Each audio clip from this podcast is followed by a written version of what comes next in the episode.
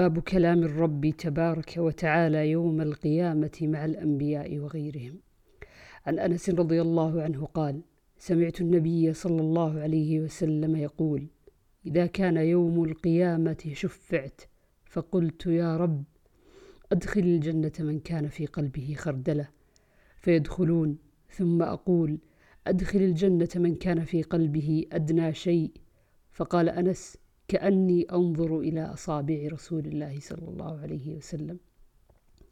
عن معبد بن هلال العنزي قال اجتمعنا ناس من أهل البصرة فذهبنا إلى أنس بن مالك وذهبنا معنا بثابت البناني إليه يسأله لنا عن حديث الشفاعة فإذا هو في قصره فوافقناه يصلي الضحى فاستأذنا فأذن لنا وهو قاعد على فراشه فقلنا لثابت لا تسأله عن شيء أول من حديث الشفاعة.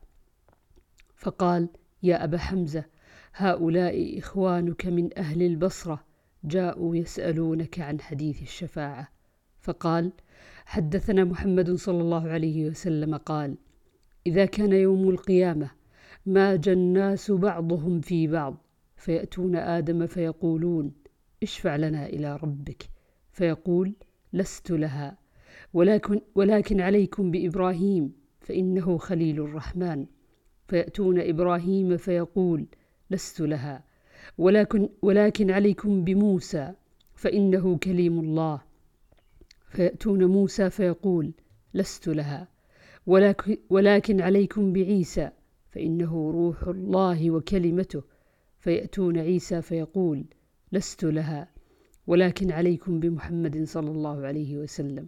فيأتوني فأقول أنا لها فأستأذن على ربي فيؤذن لي ويلهمني محامد أحمده بها لا تحضرني الآن فأحمده بتلك المحامد وأخر له ساجدا فيقال يا محمد ارفع رأسك وقل يسمع لك وسل تعطى واشفع تشفع. فأقول يا رب أمتي أمتي فيقال انطلق فأخرج منها من كان في قلبه مثقال شعيرة من إيمان. فأنطلق فأفعل ثم أعود فأحمده بتلك المحامد ثم أخر له ساجدا. فيقال يا محمد ارفع رأسك وقل يسمع لك وسل تعطى واشفع تشفع. فأقول يا رب أمتي أمتي فيقال انطلق فأخرج منها من كان في قلبه مثقال ذرة أو خردلة من إيمان. فأنطلق فأفعل ثم أعود فأحمده بتلك المحامد ثم أخر له ساجدا. فيقال يا محمد ارفع رأسك وقل يسمع لك وسل تعطى واشفع تشفع. فأقول يا رب أمتي أمتي فيقول انطلق فأخرج من كان في قلبه أدنى أدنى أدنى مثقال حبة من خردل من إيمان. فأخرجه من النار فأنطلق فأفعل. فلما خرجنا من عند أنس قلت لبعض أصحابنا لو مررنا بالحسن وهو متوار في منزل أبي خليفة فحدثناه بما حدثنا أنس بن مالك. فأتيناه فسلمنا عليه فأذن لنا. فقلنا له يا أبا سعيد جئناك من عند أخيك أنس بن مالك فلم نرى مثل ما حدثنا في الشفاعة. فقال هيه فحدثناه بالحديث فانتهى إلى هذا الموضع. فقال هيه فقلنا لم يزد لنا على هذا الموضع. فقال لقد حدثني وهو جميع منذ عشرين سنة. فلا أدري أنسي أم كره أن تتكلموا قلنا يا أبا سعيد فحدث فحدثناه فضحك وقال خلق الإنسان عجولا. ما ذكرته إلا وأنا أريد أن أحدثكم. حدثني كما حدثكم به. ثم قال ثم أعود الرابعة فأحمده بتلك ثم أخر له ساجدا فيقال يا محمد ارفع رأسك.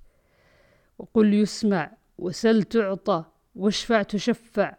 فأقول يا رب ائذن لي في من قال لا إله إلا الله. فيقول وعزتي وجلالي وكبريائي وعظمتي لأخرجن منها من قال لا إله إلا الله. عن عبد الله قال قال رسول الله صلى الله عليه وسلم إن آخر أهل الجنة دخولا الجنة. وآخر أهل النار خروجا من النار رجل يخرج حبوا فيقول له ربه ادخل الجنة. فيقول رب الجنة ملأى. فيقول له ذلك ثلاث مرات كل ذلك يعيد عليه الجنة ملأى. فيقول إن لك مثل الدنيا عشر مرار. عن عدي بن حاتم قال قال رسول الله صلى الله عليه وسلم ما منكم من أحد إلا سيكلمه ربه. ليس بينه وبينه ترجمان. فينظر أيمن منه فلا يرى إلا ما قدم من عمله. وينظر أشأم منه فلا يرى إلا ما قدم. وينظر بين يديه فلا يرى إلا النار تلقاء وجهه. فاتقوا النار ولو بشق تمرة. وفي رواية ولو بكلمة طيبة. اللهم إنا نعوذ بك من النار. عن عبد الله رضي الله عنه قال جاء حبر من اليهود فقال إنه إذا كان يوم القيامة جعل الله السماوات على إصبع والأراضين على إصبع والماء والثرى على إصبع والخلائق على إصبع ثم يهزهن ثم يقول أنا الملك أنا الملك.